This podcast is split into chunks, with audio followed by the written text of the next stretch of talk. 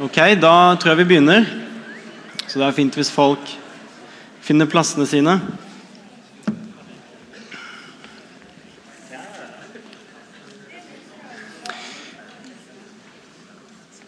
Som sagt så heter jeg Johannes Vålandsmyr og jobber her på huset eh, med ungdommer og tenåringer. Eh, Syns det er veldig kjekt. Og, det er Anna og Geir som er kollegaene mine, vi som er ansatt i ungdomsarbeidet. Eh, det jeg skal snakke om i kveld, det er frihet. Og, eh, og jeg har lyst til å be dere om å måte, spenne beltet litt godt fast og prøve å henge med så godt dere kan. For jeg vet jeg har en tendens til å bli litt dyp når jeg snakker om ting. Eh, og når jeg taler for tenåringene, så stadig vekk så gjør de sånn Det der må du si en gang til.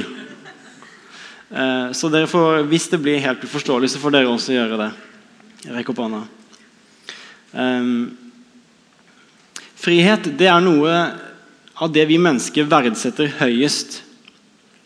Til og med i samfunnet vårt, Når vi skal straffe folk, så tar vi vekk deres frihet og mulighet til å være i samfunnet. Og Mens jeg taler nå, så foregår det borgerkriger over hele verden der frihet er målet på en eller annen måte. Og I historiebøkene våre så er kanskje 90% av det vi leser om, historier om menneskers kamp til frihet på ulike vis. Og når jeg flyttet fra, Arndal, fra, Vestfold til Arendal, så opplevde jeg meg mer fri. Mer fri til å kunne være meg selv. Og når en av ungdommene våre snakket om sin omvendelse, så var frihet ordet som ble brukt om det nye livet med Jesus. Og på gudstjenestene våre så synger vi om frihetens konge. Og Paulus sier at hvis Sønnen får frigjort dere, da blir dere virkelig fri. Men hva er forskjellen på den friheten som verden kan tilby oss, og den Jesus gir oss? Jeg vil si at Den friheten som Jesus har kalt oss til å leve i, den er helt unik. Og ikke bare det, Den er faktisk totalt annerledes enn den friheten som vi kan lese om i avisene eller se på TV osv. For Paulus han sier at, at for Sønnen frigjort dere, da blir dere virkelig fri. Likevel så virker det ikke som at Paulus har så veldig mye imot slaveri. Er ikke det litt paradoksalt? Men det er noe med det at sa, nei, Paulus har et annet perspektiv på hva frihet er.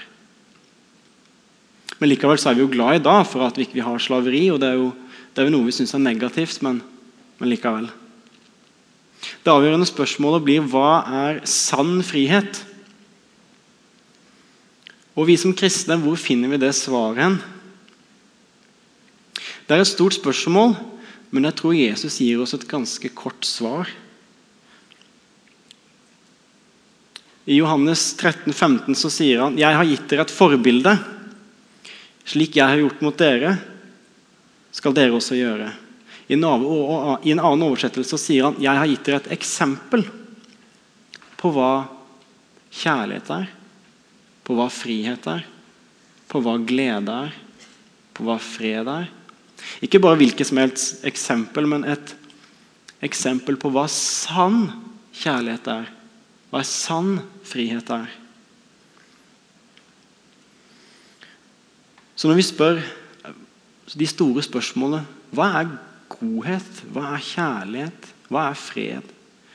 Så tror jeg Jesus gir et, et svar på alle de spørsmålene. Jeg har gitt dere et eksempel. Så hvorfor er dette eksempelet så viktig? Det som Jesus sier at 'jeg er et eksempel'. Hvorfor, hvorfor er det eksempelet viktig? Hvorfor er det verdt å følge? Hvorfor er det verdt å bruke tid på? Og Jeg har lyst til å begrunne det med en tekst som, som jeg liker veldig godt, og som jeg, jeg vil si er DNA-et til all kristen teologi. Faktisk så sterkt vil jeg si det. For det avslører noe av hvem Jesus er. Fordi Jesu eksempel, sin verdi, er uløselig knyttet sammen med hans person, hvem han egentlig er. Og all teologi hviler på dette ene personen Jesus. Hvem forstår vi at han er? Og I den teksten vi skal lese fra Johannes eh, evangeliet, så, så, har Jesus nettopp fortalt disiplene at han skal reise fra dem. Og han har også fortalt Peter at Peter skal fornekte ham. Så, så disiplene de er litt oppskaka når Jesus sier det her. Og Jesus han begynner med å si det at la ikke hjertet bli grepet av angst. Tro på Gud og tro på meg. I min fars hus er det mange rom. Var det ikke slik, hadde jeg da sagt dere at jeg vil gå og gjøre i stand et sted for dere. Og når jeg har gått bort og gjort i stand et sted for dere, vil jeg komme tilbake og hente dere. Så dere skal være der jeg er, og dit jeg går, vet dere veien. Og Så sier Thomas, 'Herre, vi vet ikke hvor du går. Hvordan kan vi da vite veien?' Jesus svarer, 'Jeg er veien, sannheten og livet.' 'Ingen kommer til Far uten ved meg.' 'Har dere kjent meg, skal dere også kjenne min Far.' 'Fra nå av kjenner dere ham og har sett ham.' Og Så kommer det som er helt unikt og gull verdt. Thomas sier til ham, 'Herre, vis oss Far.' Det er nok for oss. Og Da svarer Jesus, 'Kjenner du meg ikke, enda jeg har vært hos dere så lenge?' 'Den som har sett meg, har sett Far.' Hvordan kan du da si 'vis oss Far'? Tror du ikke at jeg er i Far og Far i meg? De ord jeg sier til dere, har jeg ikke fra meg selv. Far er i meg og gjør sine gjerninger. Det som jeg synes er så fantastisk med denne teksten, det er det at, at ofte så kan Jesus si at 'jeg og Faderen er ett', og han kan snakke om far, men plutselig der så snakker han med Guds egen munn når han sier 'Kjenner du meg ikke, Philip?'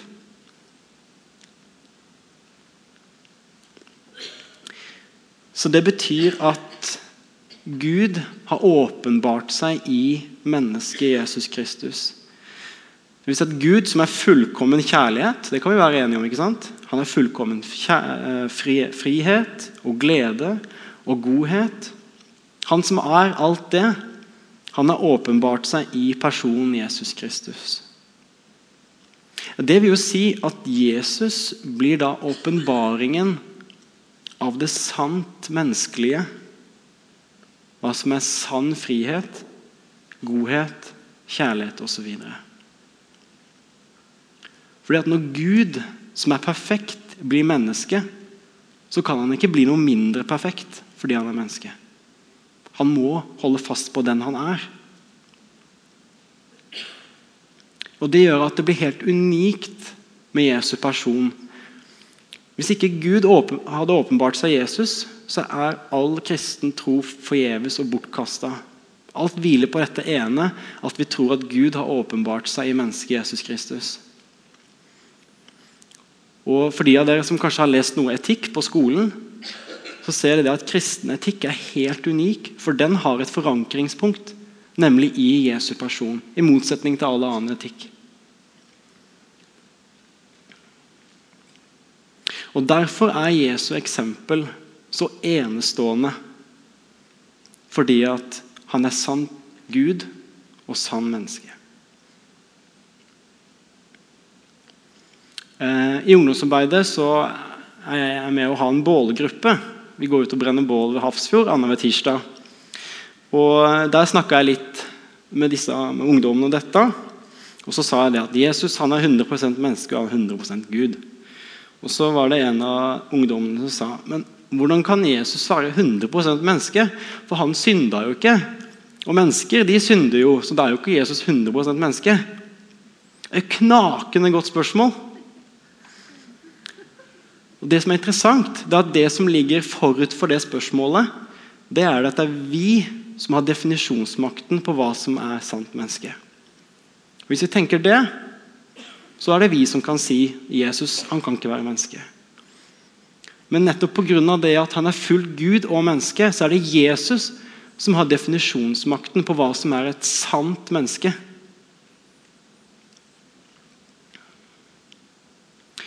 Og Det gjør at den han er, det han gjør, det han står for, får en helt egen autoritet enn all annen menneskelig oppførsel. Det vil si at Jesus forteller oss den dypeste sann sannheten om hvem vi er. Fordi vi vet at menneskeheten har blitt kludra til. Ikke sant? Vi gjør dumme ting. Syndefallet, alt det der.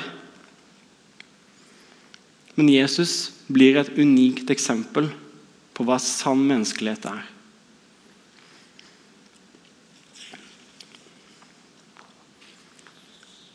Litt mer om frihet. Ta meg litt vann.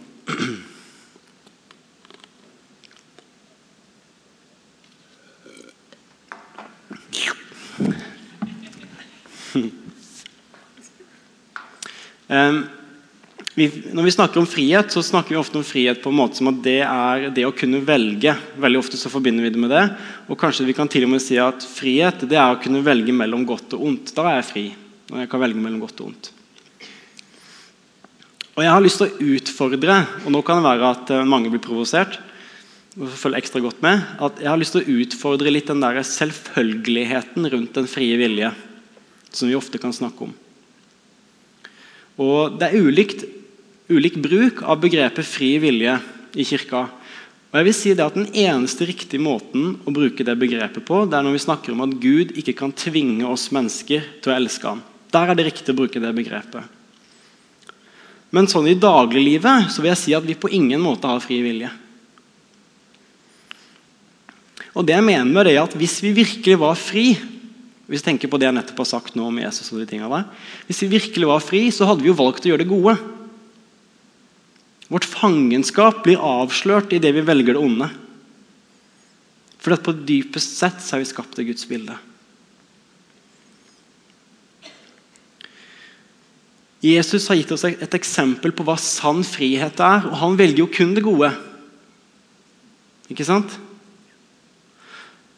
Så det vil si at Vår grad av frihet blir avslørt i hvilken grad våre liv ligner på Jesu liv.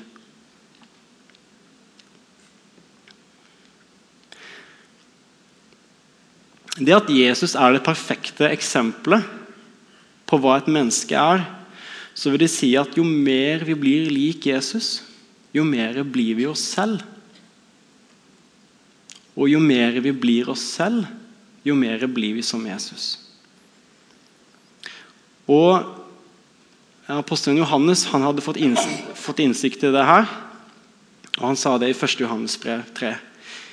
Mine kjære, nå er vi Guds barn. Og Det er ennå ikke blitt åpenbart hva vi skal bli, men vi vet at når Han åpenbarer seg, så skal vi bli lik ham. For vi skal se ham som han er. Det Jesus sier, det Johannes sier, det er at når vi kommer til himmelen, skal vi se Jesus som han er, og bli som han er. Og det vil si at ja, Når vi kommer til himmelen, skal vi bli en annen person, da, siden, han sier at vi skal bli som han er. Nei, det er helt motsatt. Når vi blir som Jesus, da blir vi i sannhet de vi er. Og i himmelen så skal vi bli det fullt ut. Vi holder på med det på jorda, men i himmelen skal vi gjøre det fullt ut.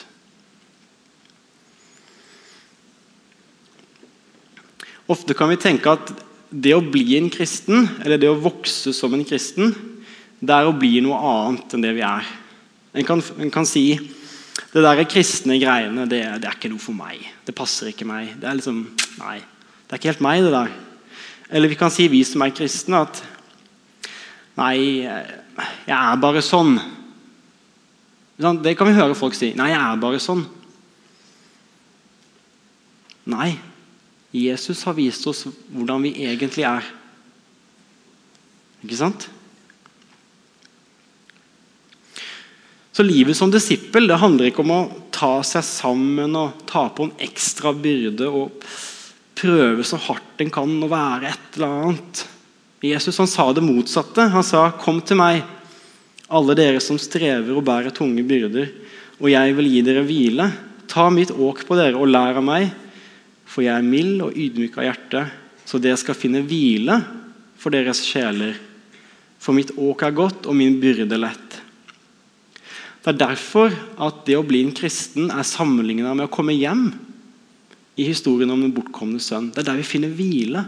Det er der vi hører hjemme. Det er der vi er oss selv.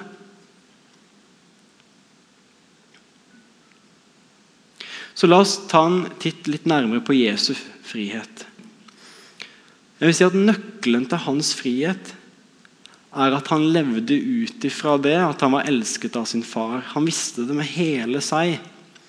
Og Det er en fantastisk historie vi kan lese når, når dua kommer ned og han har nettopp blitt døpt, og så hører røsten Dette er min sønn, den elskede som jeg har mitt behag i. På den andre siden så koker alt fangenskap ned til usikkerheten Er jeg elsket? Dette spørsmålet stiller vi mennesker fordi vi ble skapt til å leve med Han som elsker, Han som er kjærlighet. Og Pga. store skilsmissen mellom menneske og Gud så går vi rundt og spør er jeg elsket. Dette spørsmålet prøver vi alle å besvare, men på svært ulike måter. Det kan vi kjenne oss igjen i. Det kan se helt forskjellig ut. Og De fleste av oss vi strever ikke med dette spørsmålet sånn i bevisstheten vår, at vi går og tenker sånn hver dag og er elsket, er jeg elsket? Men vi har noen mønstre i livet vårt som avslører at dypt der nede så er vi usikre på dette. Vi handler ofte ut fra denne usikkerheten. Og det kan bli synlig ned i de minste daglige samtalene. For eksempel, jeg vet at jeg har en tendens til å prøve å si veldig kloke ting for å virke klok. Og andre kan ha en tendens til å prøve å snakke i store ord om sitt sosiale liv for å skjule sin ensomhet. Vet du hva jeg er så utrolig opptatt for tida? Altså, jeg har så mye å gjøre. Jeg skal klippe plen, f.eks., og, og så videre. Eller vi kan fortelle hvor travle vi er for å prøve å framstå som viktige. Eller vi kan fortelle om våre store bragder for å virke suksessrike. Eller det kan være mer handlingsmønstre. Åh, jeg klarer aldri å få noen dype vennskap. Jeg, jeg, må liksom bare videre og videre. og Jeg går fra gjeng til gjeng. og Kanskje handler det om frykten for å være sårbar. Eller kanskje kjenner du stadig vekk behovet for å kjøpe noe nytt. Kanskje det du egentlig kjenner på at livet er innholdstomt. Eller kanskje du aldri vil innrømme et nederlag. Og Det kjente jeg meg vel i. Når jeg, bodde med, jeg bodde et år med Hanne Therese Cave og noen andre. Og så Loftesnes heter hun nå, ja. Det er bra, Geir.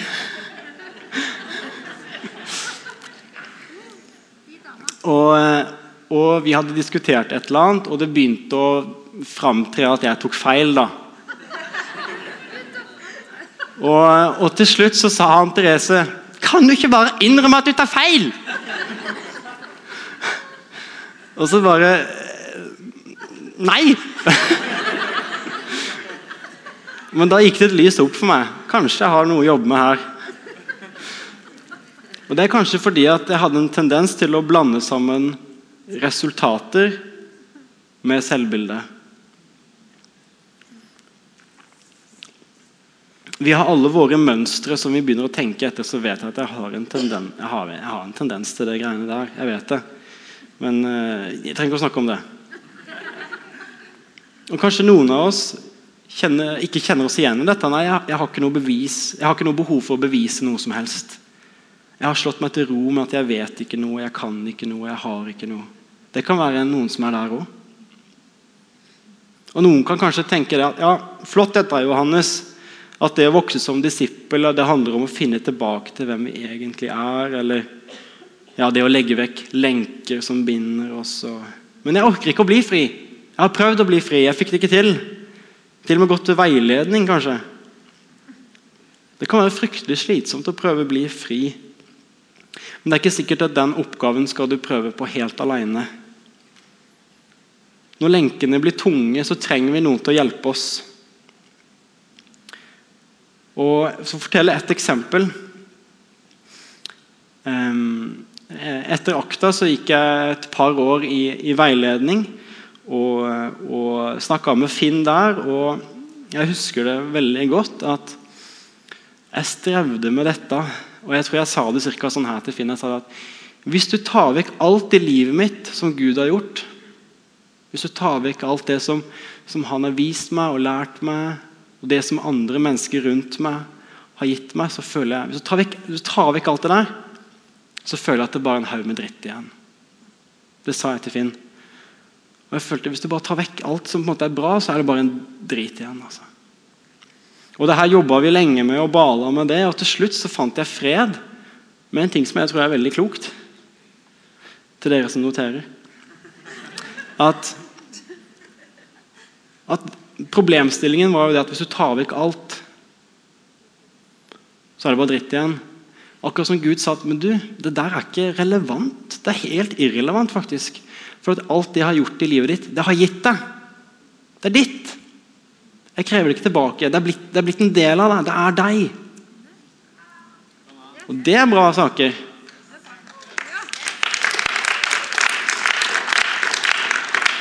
Men dette, dette tok, jo lang tid å, å finne fram til det her. Og, men det var det jeg trengte noe til å løfte lenkene.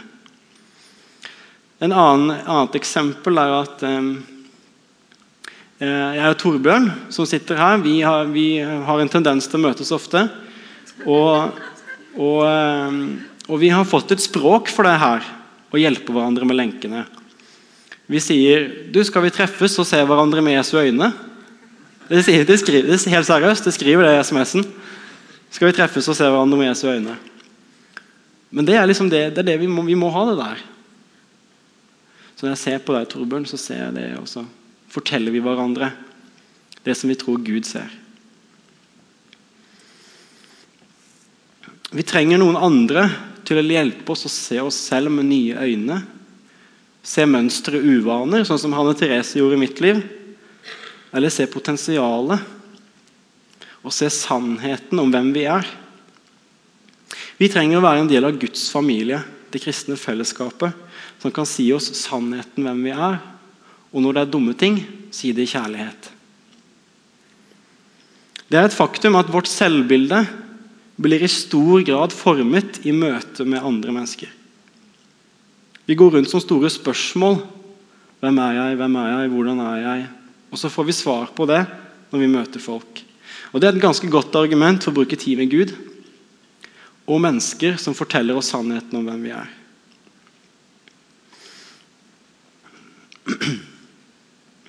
Og Ofte så kan vi la våre tidligere erfaringer bestemme over hva vi tenker om oss sjøl og hvem vi er. Og Vi er på en måte ikke i stand til å bli formet lenger, for vi har liksom slått oss til ro med hvem vi er.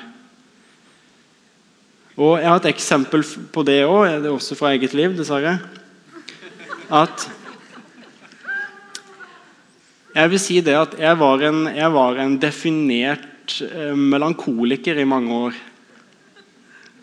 Og, og, og, det hadde liksom gravd seg så inn at det hadde liksom blitt en del av identiteten min. At ja, jeg er en litt sånn halvdeprimert type som eh, Jeg kan tenke dype tanker, da, det kan jeg, men andre sida er jeg litt sånn deprimert. Og så Stadig vekk da, så, så kom det sånne mørke skyer over livet mitt og ble veldig sånn tung, og, spesielt i november. Og så, og så var det en gang Torbjørn og Geir, som jeg bodde sammen med da, som sa det at du, Vet du hva, Johannes? Du trenger ikke å være den der typen der. Du trenger ikke å være melankolikeren. Du kan være den glade. Du kan være dyp samtidig, da, men du kan være den glade. Og så tenkte jeg bare Kan jeg det? Kan jeg liksom bare ta et stort steg ut i det? Og så snakka jeg litt om det, så jo, jeg får bare prøve på det, da. Og selvfølgelig, Gud var jo i dette. Det var jo, han hjalp meg jo hele veien. Men det gjorde at i dag så vil jeg si det at jeg er en glad gutt. Jeg vil ikke si at jeg først og fremst er en melankoliker.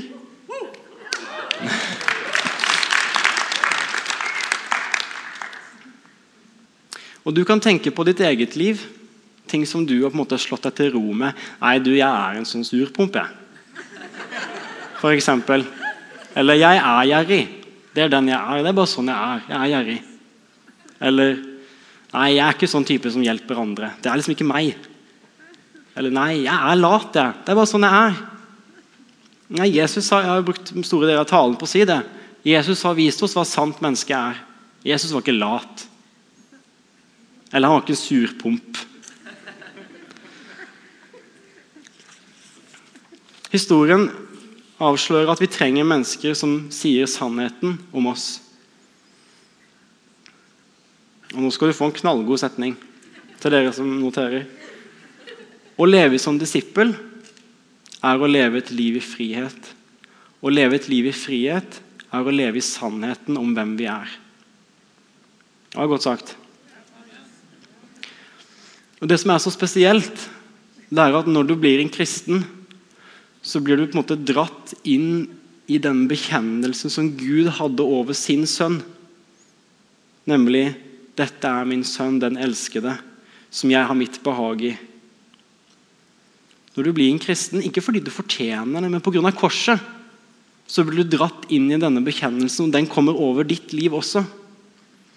Og Når du klarer å leve i den sannheten med hjelp av venner og familie, så kan du leve et liv i frihet. Og Vi vet det, og det leste vi i et vers her, vi blir aldri helt fri her på jorda. Men i himmelen da skal vi bli som han er. Men vi kan ta store steg her på jorda mot et liv i frihet. Og Jeg snakka senest med en av ungdommene våre i går.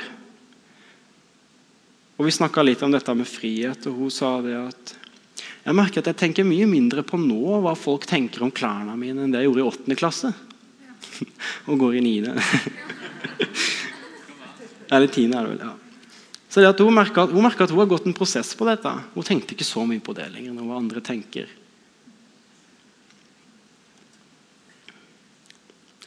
Så det er av nåde. Alt er av nåde. Men fordi, fordi det Jesus gjorde på korset, så kan vi gå inn under denne bekjennelsen fra Gud over Jesu liv. Og Når du lar den bekjennelsen synke ned i livet ditt, så kjenner du at skuldrene senkes, og pusten blir rolig. Du kan nesten bare kjenne det nå i rommet. At jeg kjenner den bekjennelsen bare synker ned over oss. Dette er min sønn eller datter, den elskede som jeg har mitt behag i. Når du kjenner det synke ned i kroppen, så er det akkurat som at det blir født en ny bønn i magen vår. Gud, du er min Gud som jeg søker. Min sjel tørster etter deg. Min kropp lengter etter deg i et vannløst, tørt og utarmet land.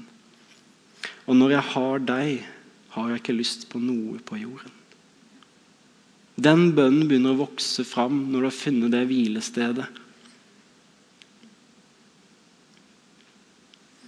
Etterfølgelse det er ikke ment å være noe vi gjør for å vekke en respons fra Gud. Vekke en respons av kjærlighet eller frelse. Men etterfølgelse er en respons på Guds kjærlighet og frelse. Ofte så blander vi det der. La oss reise oss og be.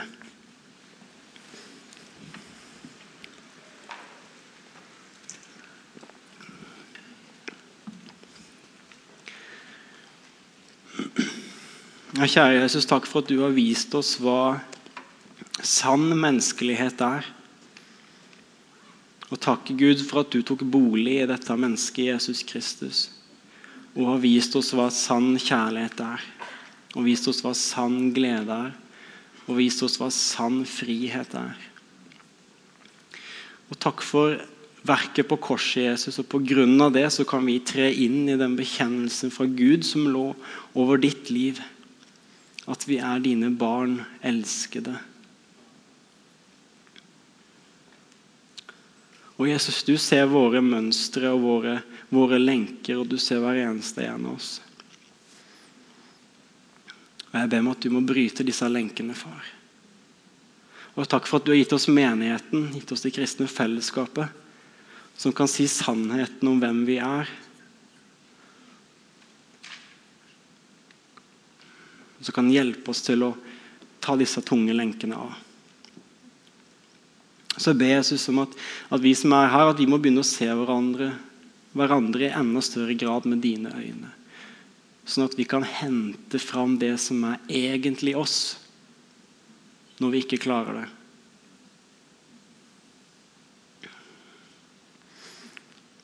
Og Takk, Jesus, for at ikke vi trenger å være disipler for å, for å få din kjærlighet eller din frelse. Men takk for at vi kan være disipler på grunn av din kjærlighet og din frelse. Og så ber Jesus om at denne bekjennelsen nå som vi har om, at dette er min sønn, datter, den elskede. Jeg ber om at det helt konkret nå skal synke ned i hjertene våre.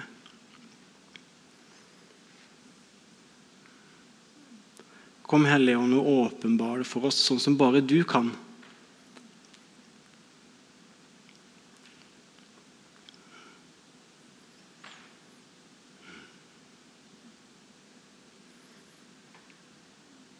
Takk, Jesus, for at alt dette er mulig fordi du døde på korset. Amen.